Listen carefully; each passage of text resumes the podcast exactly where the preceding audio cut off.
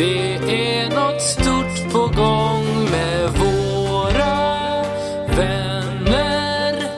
Det är Marcus och Malcolms podd. Ja, nej, nu är det väl dags att ta spela in ett nytt avsnitt om spinna vidare lite grann på det här. Eh, eh, där vi talade liksom om Grekland till exempel. Vi gick lite grann från det specifika till det mer allmänna politiska. Och nu hade vi väl tänkt att ta det ett steg till och tala mer om politik överlag så som den ser ut idag.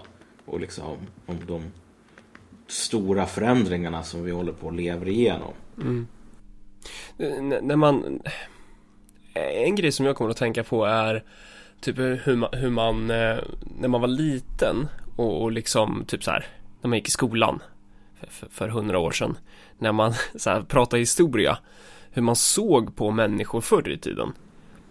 Typ, att- typ att historien har alltid beskrivits, i alla fall för mig i skolan eh, Eller typ i all i form av idealistisk historiebeskrivning Så be- beskrivs det alltid som att Att en evig så här eh, Det är bara en rak sträcka framåt, uppåt typ. Eviga framsteg Ja. typ. Och, och att man var väldigt Människor förr i tiden var väldigt dumma typ. Att man, så här, man, man kunde Helt seriöst sitta i klassrum på gymnasiet i princip och, och kunna säga så här att Fan vad dumma de var på medeltiden.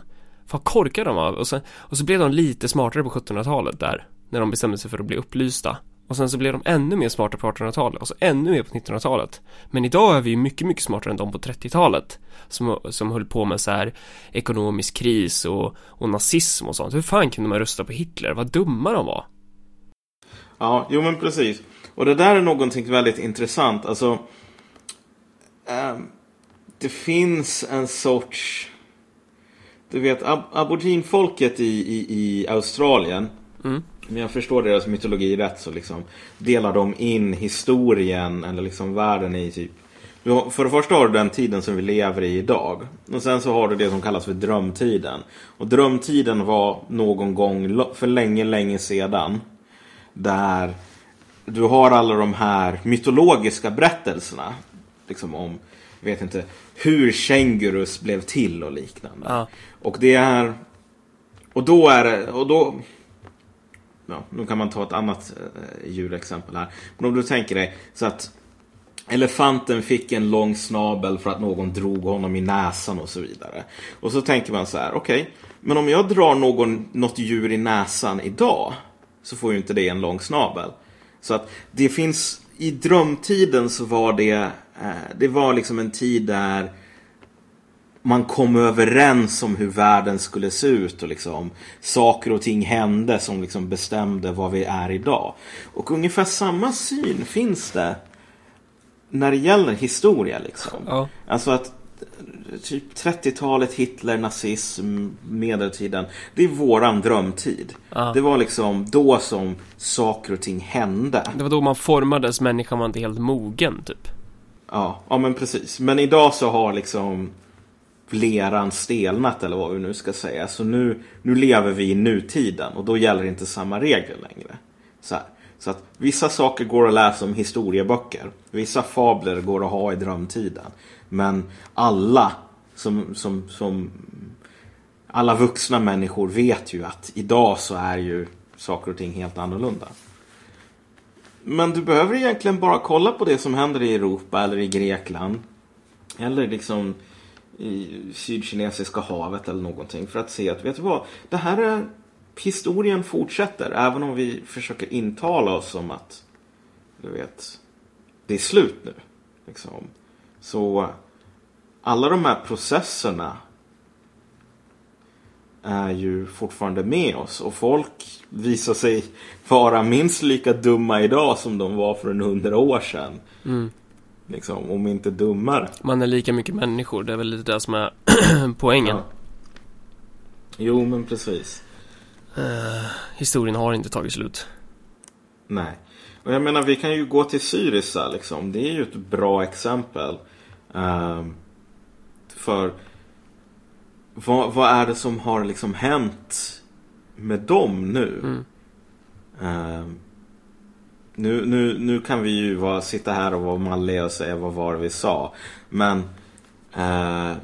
och vad var det vi sa egentligen? Alltså vi har ju pratat om det här i två, två tidigare avsnitt om, om Grekland specifikt. Eh, och det skulle ju såklart behövts mycket mer. Precis som alla andra ämnen som vi tar upp i podden så, så kan man ju verkligen gräva ner sig i, i just det ämnet typ. Men eh, vi pratade ju lite om så här Syrizas in, interna Alltså, prata pratade lite om deras struktur som parti och, och eh, vad deras parti har varit kapabla till och vad de inte är kapabla till och, och vad som skiljer Syriza som parti gentemot eh, ett parti som exempelvis Viet-Cong eh, som är lite mer stabil struktur om man ska säga, lite mer flexibel partiform. Eh, och, det vi, har- och det vi har sagt är väl i princip att eh, ja, den här folkomröstningen betyder ingenting som de skulle hålla i Grekland och det sa vi ju redan innan de eh, höll folkomröstningen. Eh, med, Medan övriga vänstern var så här att det var halleluja-stämning liksom. Ja. Men det som, hände, det som hände direkt efter den här folkomröstningen var ju att eh, Tsipras gick i en stor koalition med typ alla som var totalt krossade av att de förlorade. Alltså med, med ja-sidan. Gick ihop med en koalition eh, och, och liksom direkt åkte till Bryssel för att liksom fortsätta förhandlingarna. Och det här förslaget som sedermera kom. Den här dealen nu. Är alltså horribel, verkligen. Det är eh, mer eller mindre så att Grekland är tvungen att ge upp eh, sitt, sitt nationella självbestämmande överhuvudtaget. Bara ta en, en grej för att verkligen liksom visa hur extremt dålig den här dealen är. Så Grekland måste alltså sälja av typ 50 miljarder eh, liksom, fixa privatiseringar till ungefär 50 miljarder euro. Som ska, de här medlen ska sedan läggas i någon sorts fond som styrs utifrån. eh, som liksom förvaltas. Det är en sorts trust fund. Liksom. Och 50 miljarder, om jag inte kom, ja, misstar mig, är liksom en så 27 procent av Greklands bruttonationalprodukt eller någonting. Så det är typ hela regeringen, liksom hela offentliga, eh, liksom hela staten mer eller mindre måste privatiseras och säljas av. Och, som se, och det här kommer sedan att kontrolleras av typ tyskar, belgare. Så. Ett annat exempel kan ju sägas vara det här med att de måste sälja av eh, territorium också. Att de ska sälja öar och sånt till, till andra stater. Så att, så att där har du ju ett ännu mer så här konkret exempel på liksom kan man se hur hur kartan minskar för dem. Men precis. Men, men hur som helst så, så, så nu försöker Sipras få igenom det här. Problemet är bara att okay, de ha, Syriza hade aldrig någon annan strategi. Eh, än liksom hålla på och förhandla. Och de trodde hela tiden att jo men vadå, om vi är snälla så kommer vi bli belönade. Eh, det enda som de fick var liksom fingret.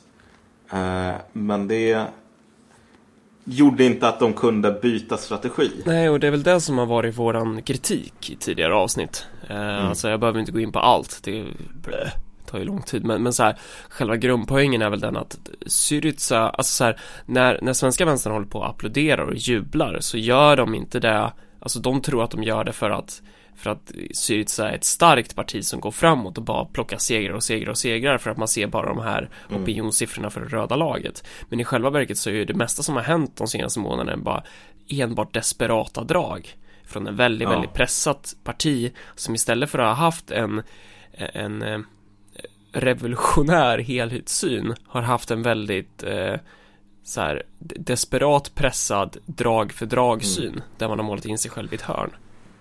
Ja, men precis. Alltså, eh, eh, jag har fått Tsipras har blivit beskriven av, av en partikamrat som en, alltså, eh, vad det är på svenska, en gambler. Någon Ja. som håller på och spelar liksom så här risktagare rent politiskt.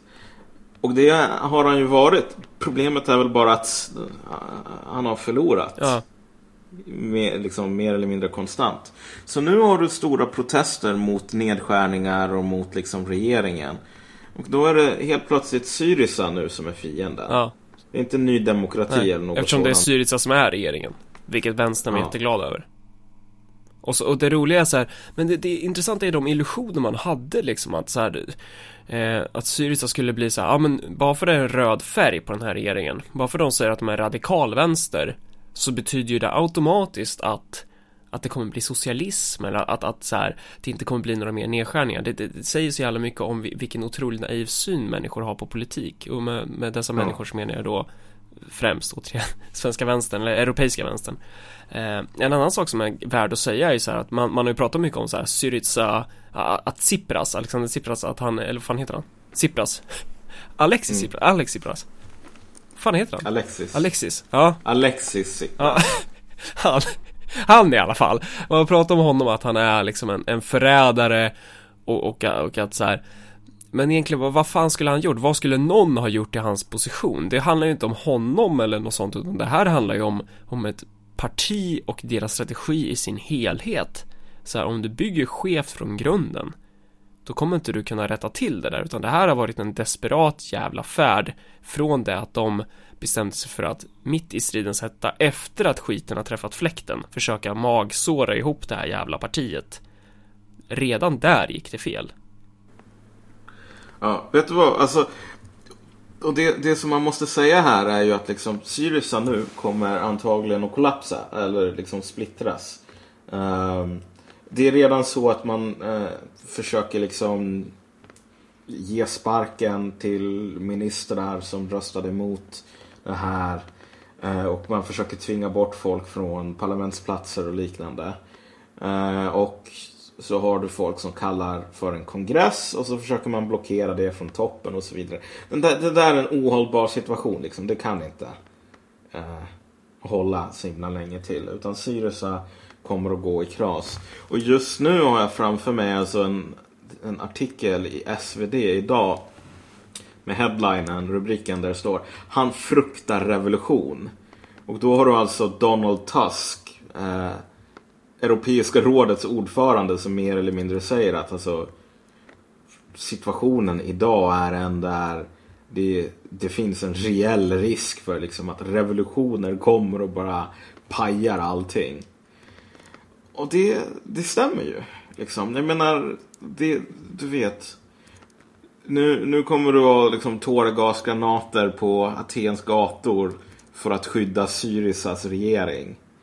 Um, och liksom i slutändan så är det här en deal som är helt omänsklig. Så att när Syriza åker ut så um, liksom, det finns inte alls någon garanti om att uh, nästa person, liksom, nästa regering kommer att känna sig bundna att liksom, sälja av halva landet till exempel. Ja, du menar, du menar att man då, att man rent teoretiskt skulle kunna få några som säger nej till det här? Ja men precis, men vilka skulle det vara nu? Antingen så kan det vara någon så här spillrorna från Syriza eller så kan det vara Gyllene Gryning. Och jag, om jag skulle liksom satsa pengar här så skulle jag fan göra det på Gyllene Gryning. Ja. Tyvärr. Liksom, jag tror de har idag ett bättre Som läge. Unibet liksom. lyssnar, på, lyssnar på det här så, så har ni hört expertuttalandet. Ja, just Oddset det. 4,20 i Gyllene Gryning. Eh, 420, ja.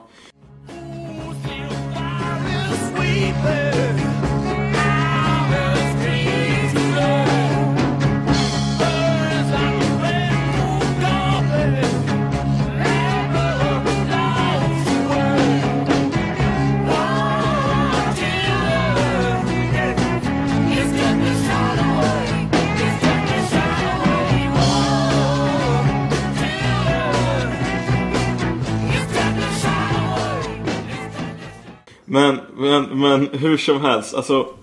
Det här är liksom en situation där man slås av att alla har liksom tappat kontrollen mer eller mindre. Ja. Och det, även Tyskland har tappat kontrollen. För liksom, vad var reaktionerna på det liksom, när man läste eh, villkoren i det här avtalet? Liksom, till och med tyska tidningar hade, beskrev det här som liksom en, en, en lista på grymheter och liknande. Så, Eh, och typ, du hade så här Financial Times som, är, som om jag kommer ihåg rätt så Financial Times, en tidning alltså för, som väldigt positivt inställd till euron, eller var det. Och en av de som var absolut mest positiva där, jag kommer inte ihåg, Münchhausen eller någonting heter han. Eh, han sa bara så här typ, euron är körd. Du vet. För, för det här visar, det som har skett nu är ju att euron har förvandlats till Istället för att vara en politisk union så är det bara en sorts liksom eh, Vad heter det nu? Jag kommer inte ihåg vad det heter på svenska men det är en ekonomisk liksom ett ekonomiskt avtal eh, ett ekonomiskt samarbete där de starka eh, trycker ner de svaga. Ja. Och det finns liksom inte längre någon, några pretensioner om att det, det är på något annat sätt. Och det som han säger då är ju bara så att okej, okay, vet du vad? Grekland är svagt. Fine. Vad kommer att hända när ett land som inte är svagt nog för att Tyskland ska kunna trycka ner det i stövelskaften, typ Frankrike eller Italien, eh, hamnar i en krissituation? Du vet, du kan inte tvinga dem med någon sorts våld att göra som du vill. Nej. Men om, om du inte kan säga, vet du vad, men stanna i EMUn för det- det här är liksom Europeiska unionen är ju i grunden ett freds, fredsprojekt va? Det är ju där det, är där det Precis. handlar om, det här skitsnacket som alla EU-förespråkare liksom kör med, vilket är, ja, det är så idiotiskt. Det är som att tro på tomten Ja. liksom. Men om du inte längre kan, om, om ingen längre, om inte tyskar längre bryr sig om att säga så. Ja. För att de vet att ingen kommer att tro på det här längre. Du kan inte säga till liksom en italienare, ja men var, var kvar i euron för att ditt land tjänar så himla mycket på det ekonomiskt. Euron har varit en jävla katastrof för Italien. Total jävla katastrof. Så det har inte varit så en dans på rosor för Frankrike heller. Eh, Och verkligen inte för Finland. Finland är ju går det väldigt knackigt för ekonomiskt. Ehm, så att det finns väldigt många länder som liksom rent praktiskt, ekonomiskt, materiellt förlorar på euron. Och så finns det ett fåtal länder som vinner. Och Tyskland är det enda landet som vinner Och stort. egentligen så handlar det väl om mer än en fråga om en enskild valuta. Eh, För det är ju också om, om man läser typ så här Ali Esbati som alla bara så här. Det här är så jävla smart. Så är det ju liksom. Det är, det, det är, det är ju lite större än en jävla euro. Förstår du vad jag menar?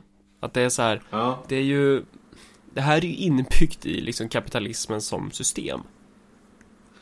Ja, jo men precis. Men det är, in, det är inbyggt i... Euron är ju ehm, liksom en monetär union som gör att länder inte kan devalvera. Visst, alltså i, i en i i ett vidare bemärkelse så är det ju så att liksom exploatering, kriser är inbyggt. Men jag menar, här ska vi vara ärliga så liksom Frankrike skulle kunna fortsätta vara kapitalistiskt. Eh, och så skulle de ha massor med kriser i och för sig. eh, utanför euron. Men euron i sig leder till massor med kriser. Liksom, så att eh, om du var en fransk kapitalist så kanske du skulle säga Vet du vad, jag tycker att vad fan Kapitalism, nice, men euron är helt jävla idiotisk liksom. Eh, och det är ju det argumentet som kommer antagligen att gå hem i stugorna och kommer att vara det som krossar euron. Liksom. Ja, precis. Om man vill att så här, och, och därmed så angriper man ju inte de egentliga grundproblemen om, om man vill göra det här till en fråga om eurons vara eller icke vara, utan det här är inte en fråga om eurons vara eller icke vara, utan det är alltid en fråga om kapitalismens vara eller icke vara, även om det är väldigt, väldigt mycket större och det kanske är väldigt stora ord att ta i så, men det är ju det som är faktumet. Sen är det klart att euron gör det värre. Men det är ju det som blir problematiskt när så kallade eh, vänsterintellektuella, vad fan man ska, jävla gurus liksom, inte, inte har en mer hel, helhetlig syn. Så. Jo, nej men precis. Eh, Samtidigt så, euron är ju, kan man ju, måste man nästan placera i ett eget fack därför att i det här fallet så är ju euron det som gör att eh, vissa länder tjänar på det, typ Tyskland. Andra länder förlorar stort Ja. på det, typ Frankrike, Italien. Så att det här är ju någonting som leder en sorts centrifugalkraft som tvingar de här länderna längre bort från varandra och kanske till och med i konflikt med varandra. Så det, om du tog bort den så tog bort euron så skulle det ju inte allting vara frid och fröjd på jorden, absolut inte. Uh, du skulle fortfarande ha ojämlikheter och folk som blev fattigare och så vidare. Men uh, chansen för allvarliga handelskonflikter eller kanske andra sorters konflikter mellan Tyskland och Frankrike till exempel skulle vara mycket lägre. Men, men skulder, skuldbergen skulle ju vara kvar. Och, och, och relationen med, mellan vilka som, som har satsat på låga produktionskostnader och, och vilka som har liksom hög köpkraft. Alltså det där skulle ju också vara kvar oavsett vilken valuta du ja, har. Nej men precis. Men det, det är euron som har gjort att Tyskland ens kan göra det de håller på med idag. Därför att om inte euron fanns, om inte de reglerna som liksom ligger idag fanns, så skulle liksom lösningen från Italiens sida mm. vara liksom en devalvering mer eller mindre. Så att om Tyskland försöker pressa ner eh, sina egna löner, sina egna arbetskostnader och liknande så behöver eh, skulle italienarna bara göra liran svagare. Vilket skulle göra det svårare för liksom, tyskar att exportera. Mm. Sådär. Men nu kan man inte göra det så nu sitter man fast med varandra där. Liksom, så att, eh, Tyskland idag är lite grann som en fästing mer eller mindre. En ekonomisk sorts fästing. Liksom. Alltså att sättet som den mår bra, sättet som Tyskland liksom undviker kris på är genom att suga blod från alla andra länder liksom, ja. eh, i Europa. Och du vet, precis som fästingar, de har ju en sån här gift som de sprutar in så att liksom offret inte ska känna bettet. Så.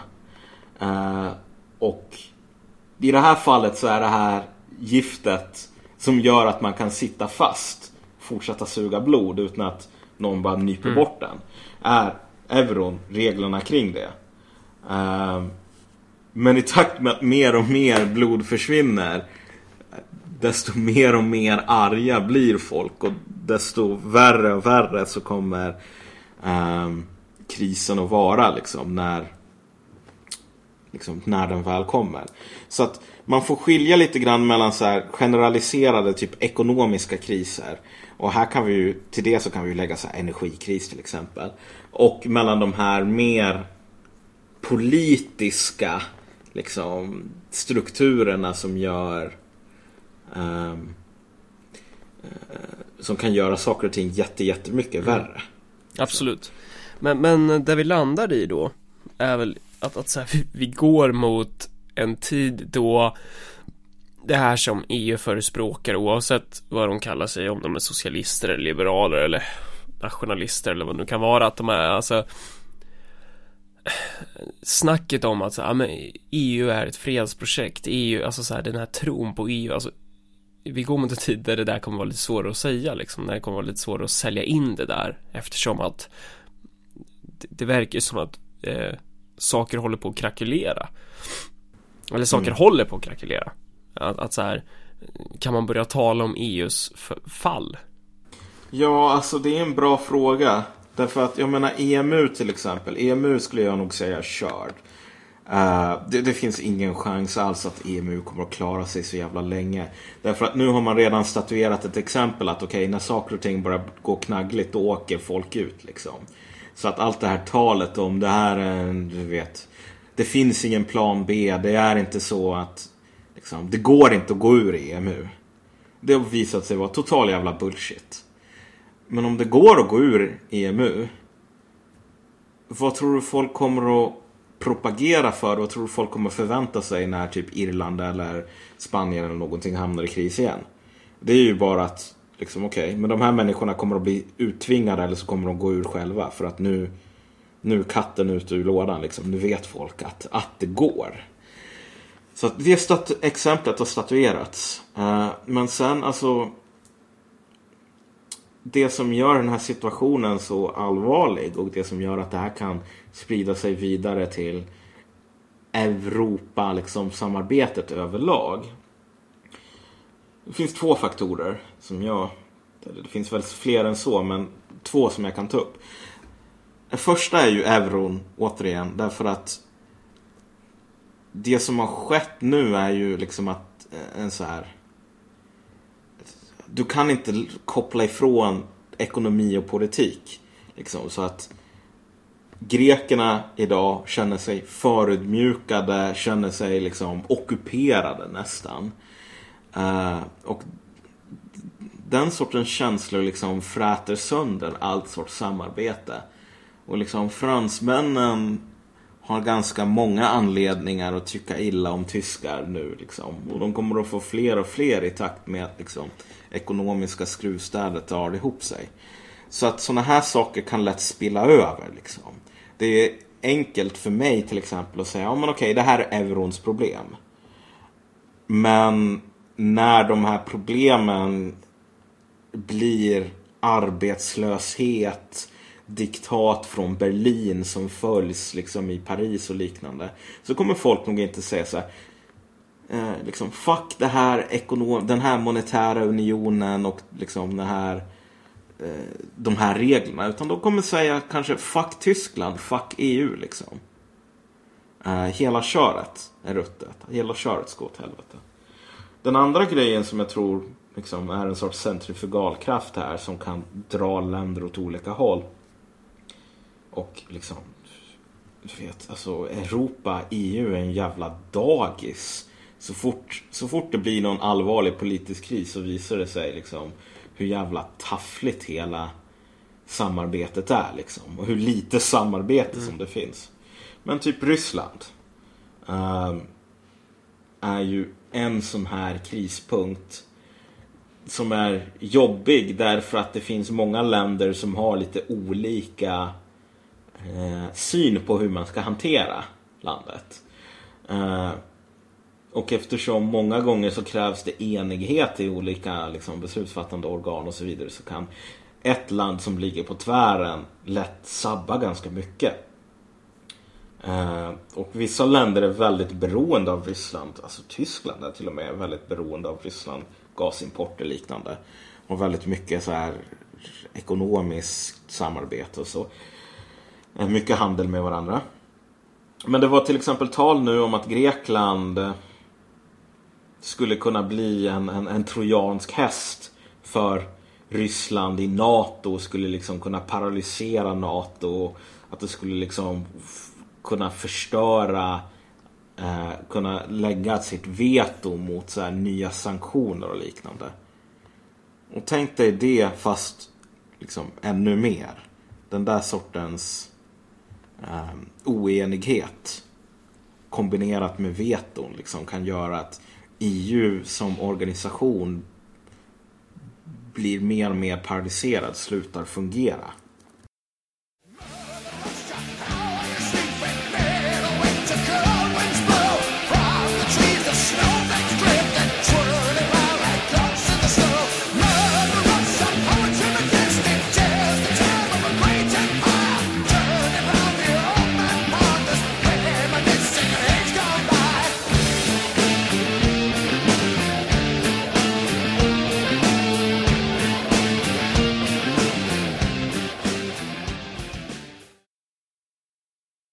I liksom historieskrivningen så pratar man ju också, eller så här, framförallt efter andra världskriget så är det väl snack om den fria världen, eller västvärlden, the free world, som är liksom att så här, det är, det är typ NATO-länderna kring liksom norra Atlanten till att börja med. Och, och eh, EU, när man pratar om EU så får man väl också se så här EU i relation till USA att det här är ju på något sätt eh, politiska projekt i ungefär samma riktning eller det är liksom polit det är ju någon slags de är tajta liksom. De är de vill ju åt samma håll i grunden kanske. Men men så här om nu om nu det här EU-samarbetet visar sig vara eh, inte stämma överens med den liksom berättelsen man, man får allt svårare att skarva fram så kanske vi kommer gå mot, och detta också i takt med liksom ett USA som, som blir allt svagare, men, men som, som bara mer krampaktigt kan hålla kvar eh, sitt grepp, så försöker hålla kvar sitt grepp. Kommer vi kanske börja prata om, istället för fria världen, börja tala i termer av Europa, liksom, i termer av eh, en annan värld. Om man ser till om det rent geopolitiskt, rent materiellt förändras, att då också överbyggnaden, det intellektuella, berättelsen, historien kommer ändras också liksom.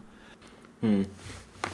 Jo men precis. Jag menar, man kan ju fråga SMR vad de tycker om USA liksom.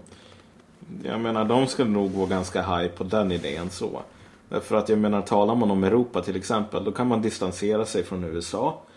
Eh, och så kan man komma närmare Ryssland. Och alltså här har du en grej med geopolitik. Och det är ju att alltså, det finns alltid, man kan alltid gå in i det här med liksom olika önskemål om vad man vill och vad man tycker är bra och så vidare. Så jag läste någon sån här eh, du vet, DNs ledarsida. Jag ska tortera mig själv och öppna den. Och så såg man så här Gunnar Jonsson tror jag det var. Eller vad fan den sopan heter. Som bara så här. Sverige tillhör liksom det här. Det var nästan, det var nästan på den här nivån. Sverige tillhör de fria ländernas liksom kompisgäng. Så här, med frihet och demokrati och allting sånt. Och jag tänker bara så här. Fine. Du kan vilja att Sverige ska tillhöra liksom det här och det här kompisgänget. Jag tror inte det är en så jävla produktiv liksom, liknelse för att förstå liksom, hur internationell politik fungerar. Liksom, att det är kompisgäng. Men okej, okay, Gunnar Jonsson, fine. Använd den om du vill. Men i slutändan så är det så här att vad du vill och vad som sedermera händer är två helt olika saker. Och liksom vilja, önskemål har väldigt lite inflytande egentligen på hur, hur historien liksom artar sig. Därför att i slutändan så är det liksom, objektiva faktorer, materiellt tvång, som tvingar länder ihop eller isär. Så att även om du älskar hamburgare och tycker Hollywood är skitballt eller något sådant. Så att om, om du får all din liksom, energi från Ryssland till exempel. Då kommer du att tillhöra Rysslands kompisgäng förr eller senare. Oavsett hur mycket du stretar emot. Och sen är det bara en fråga om att rationalisera det. Och då tror jag väl liksom att allt det här jävla bullshitet om, om kolla vi är alla europeer, vi delar alla på ett samma liksom så här eh, arv som går tillbaks till Karl den stores tid, bla bla bla. Du vet, man kommer att uppfinna bullshit som passar till liksom den, den, de materiella faktorerna. Precis som den fria världen också är lika mycket bullshit som liksom Europa. Typ, ja, vad fan, Saudiarabien är en del av den fria världen. Intressant nog. Venezuela är inte, alltså det, det är en Nej, diktatur. Men precis. Så, säger de. Mm. Eh, Men alltså Ja. Eh, för, för, det är väl lite, lite, intressant om man ska prata om så här, Sverige tillhör den fria världen. Det gör vi ju eftersom vi, att vi är en indirekt vasallstat av USA. Alltså så här, det är ju inte så här när liksom stora landet USA kommer, alltså vi, vi kan stoltsera där med att ja men vi kränker aldrig mänskliga rättigheter, vi gör aldrig något dumt. Såvida inte storebror USA kommer och knackar på och bara hej, ni har några egyptier här. Vi skulle vilja att ni så här, smugglade ut dem ur landet eh, och sen så att vi, så vi kan tortera skiten ur dem.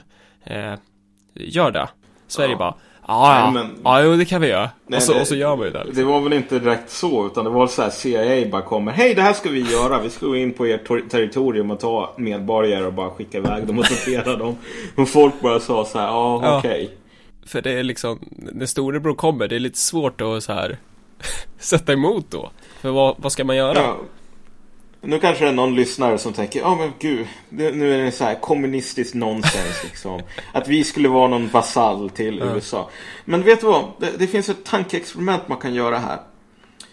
Vi säger att det var en, en rysk person. Nu, nu i Ryssland så håller man ju på att censurera internet och mm. spionerar på folk och sådär ganska mycket.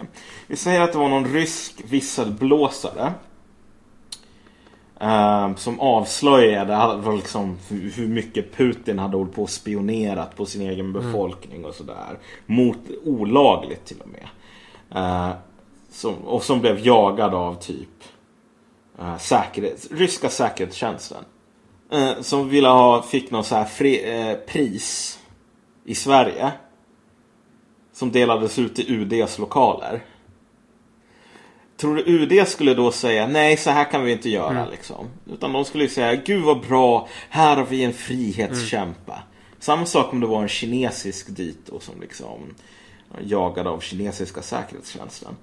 Edward Snowden däremot, som avslöjade allt det som typ UD säger sig tycka då illa om så här. Du vet, eh, kränkningar av frihet, liksom så spioneri som totalt ignorerar lagen och liknande. Han får inte motta pris i UDs lokaler. Utan, och liksom, utan han ska man sopa under mattan. Han, han, han är inte välkommen. Eh, så liksom tror, är det någon som tror att en kinesisk eller rysk visselblåsare skulle ha blivit behandlad som Edward Snowden? Jag tror inte Kanske i, i, i termer av att, för, att, för att det är väl det som är lite grejen som man behöver så här, förstå lite geopolitiskt. Nu kanske jag svär i kyrkan och så här. Vi, vi är en indirekt vasallstat i USA idag. Mm. Vi kanske kommer vara en indirekt vasallstat i Ryssland i framtiden. Ja, jo, men precis. Alltså, ja, ja. Nej, men du, du kan ju bara, bara slå på typ Russian Television. Kolla på liksom deras reportage. De är sjukt förstående. De kan liksom intervjua folk på Occupy Wall Street och bara göra reportage om amerikansk polis. Så länge det är där borta. Ja, precis. Men Så det är samma liksom- sak i, i, i USAs kanaler, eller i våra kanaler också. Bara kolla de här, alltså det här som man håller på och snackar om, typ så här, hur, hur ryssarna beter sig mot homosexuella liksom. Att så här, det där händer ju varje dag i USA också. Att jag såg någon film på det var två, två killar som går och håller handen och så är det folk som bara säger jävla bög, ah! typ. Alltså, det där, det där kommer ju hända i Sverige med. Det är ju ingenting ryskt i det. Men att själva propagandan är ju så här, det är ju rysshets liksom. Eh, och, och i Ryssland så är det en, en, en hets mot, mot västvärlden eller som vi ska kalla den fria världen. Så, så det är ju, det är ju bara ren geopolitik. Jo, jo men precis. Ehm, så att visst, liksom man ska i, idag så eh, liksom allt det här snacket med typ Sverige borde gå med i NATO känner jag ganska Det är ju inte strategiskt smart nu kanske när, när när USA Nej. håller på att bli, bli svagare så. Nej, nej men precis. Det borde vi kanske egentligen liksom tala om lite grann om, om faktiskt att USA håller på att bli svagare ganska rasande Ja. takt. Det förtjänar egentligen Ja, verkligen. Men, men, men än så länge kan vi bara säga jo, det blir det. Ja. Du vet, läs en bok så kan du inse det. Typ. Det är jävligt mycket grejer som håller på att gå åt helvete i USA.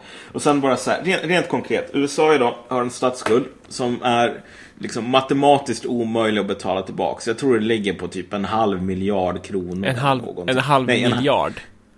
Nej, vad säger jag? En halv miljon kronor per hushåll. Jaha, okej. ja. Lite drygt. Så typ varje hushåll i USA för att betala av statsskulden skulle behöva skjuta till en halv miljon kronor typ.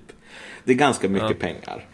Ehm, så att du kan inte få in de här pengarna genom typ beskattning eller någonting för att det övergår liksom vad hushållens inkomst med ganska mycket.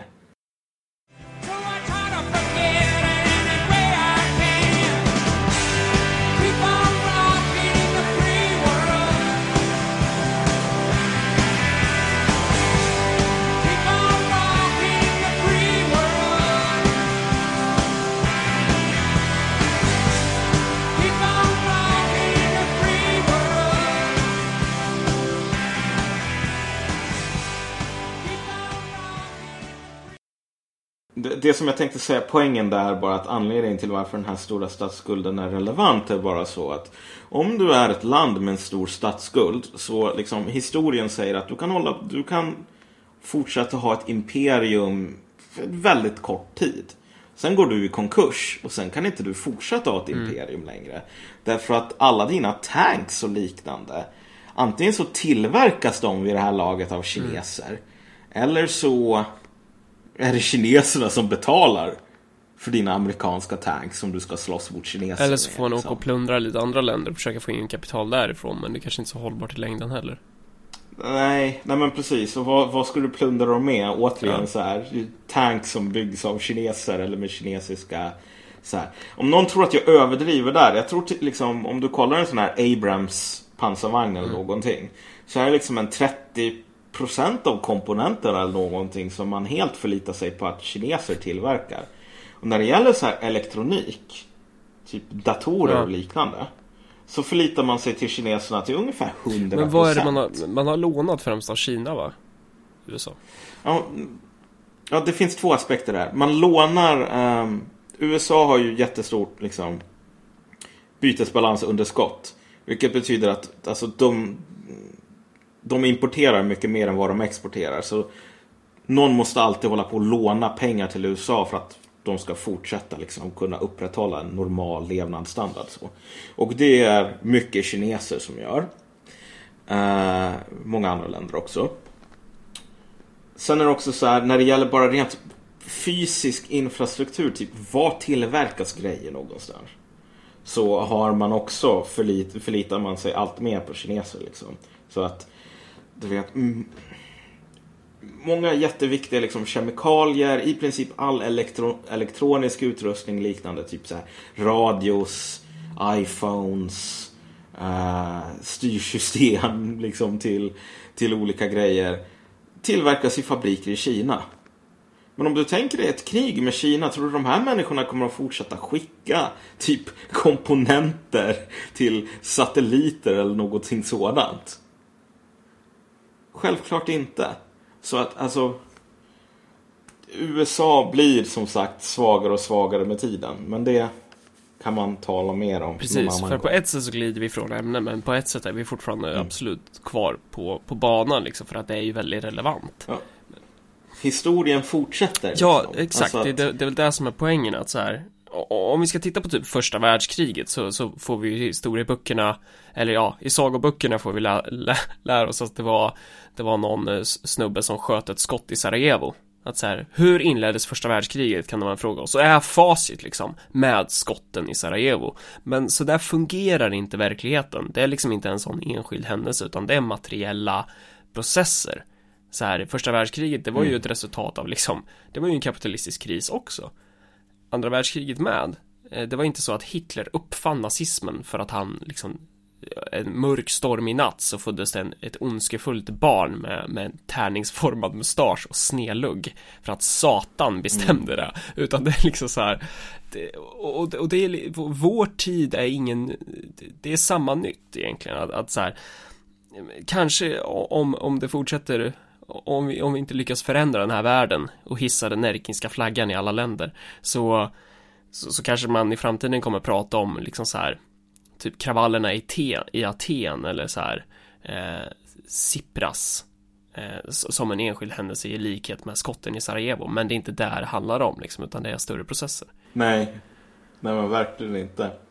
Men jag tror alltså, man kanske kan avsluta på så här. Att just, det är väldigt svårt eh, att veta liksom, för oss nu, och veta hur historiker kommer att se på liksom våran tid. Mm, därför att ofta så lägger man liksom, saker som vi kanske uppfattar som viktiga, kommer de att se som mycket mindre viktiga. Saker som vi uppfattar som helt liksom, irrelevanta. Eh, så se, kommer historikerna se som, jo men det här var den processen som verkligen kickade igång allt. Men min gissning är så här till exempel att Folk kommer nog, framtidens historiker kommer nog att tala om liksom EMUs, EMUs kollaps, kanske till och med EUs kollaps. Och gre, liksom med Greklandskrisen nu, alltså den här lösningen som man har hittat. Typ den här senaste dealen. Det kommer inte vara slutet på krisen, det kommer att vara början på krisen. Liksom. Att det som vi har sett fram till nu är bara ett sorts förspel egentligen. Utan nu, börjar, nu kommer nog saker och ting börja på riktigt. Ehm, och det är spännande tider som vi lever i. Mm. Som den kinesiska förbannelsen liksom lyder. Ehm, ja, så det är, vad är, vår, vad, är det, vi- vad är det vi har sagt nu egentligen? Det är att EU kommer troligtvis gå ser vi början på EUs fall här? Kanske. Det var en fråga. Mm, ja, det kanske vi gör. Men historien, historien rullar ju Ja. på. Och de flesta saker som föds faller ju förr eller senare. Eh, förutom, förutom Närkingska slätten. Närke har alltid funnits och kommer alltid att bestå.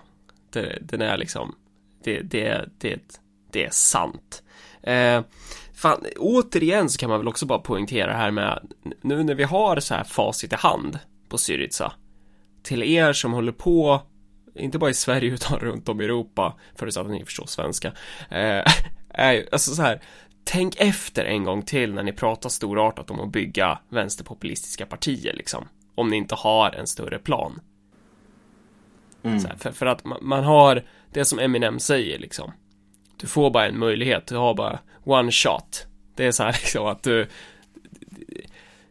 Det är svårt att komma fyra, fem gånger eh, med, med liksom märket, varumärket vänstern eller varumärket det röda laget Mm. och, och, och fejla. Folk kommer vara ganska trött på det. Så får vi några jävla pajaser i Sverige som ska hålla på och bygga partier utan att veta att att ska du bygga partier så ska du veta hur du för krig liksom. Då, då, Mm. det blir dåligt då.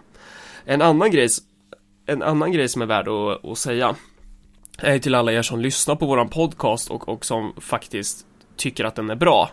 Eh, se till att sprida den. Eh, och till dig Malcolm, fixa en kategori på din blogg om du inte redan gjort det.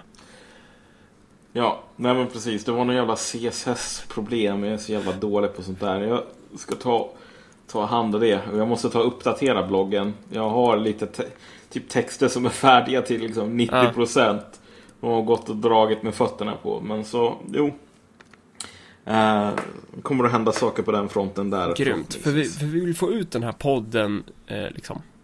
Alla ska lyssna på Marcus och Malcolm. Så är det bara. Så sprid den till alla ni känner, även till de som ni vet kommer, som ni, eller som ni tror kommer tycka att vi är idioter. Och gärna till de som ni vet inte gillar oss för att, för att de, så här, och vi ska titta på hur folk i det här jävla landet agerar så här, de sprider ju, de sprider ju fiendens propaganda bättre än vad fienden själva gör liksom. Eh, hint, ett visst klädmärke. Eh, men, men eh, så ja, sprid vår jävla podcast och, och gå också in på våra Facebook-sidor och, och gilla Marcus och Malcolms podcast och också den här som Det är några andra som har startat en, en, en Facebook-sida nu som heter Marcus, Ma- Marcus och Malcolm Snacket efteråt Som tydligen är till för att man ska kunna diskutera det vi har sagt i våra avsnitt och där ska man också kunna lägga upp musiken som vi spelar här eh, Det var väl allt den här gången antar jag Ja, jo men precis. På återseende.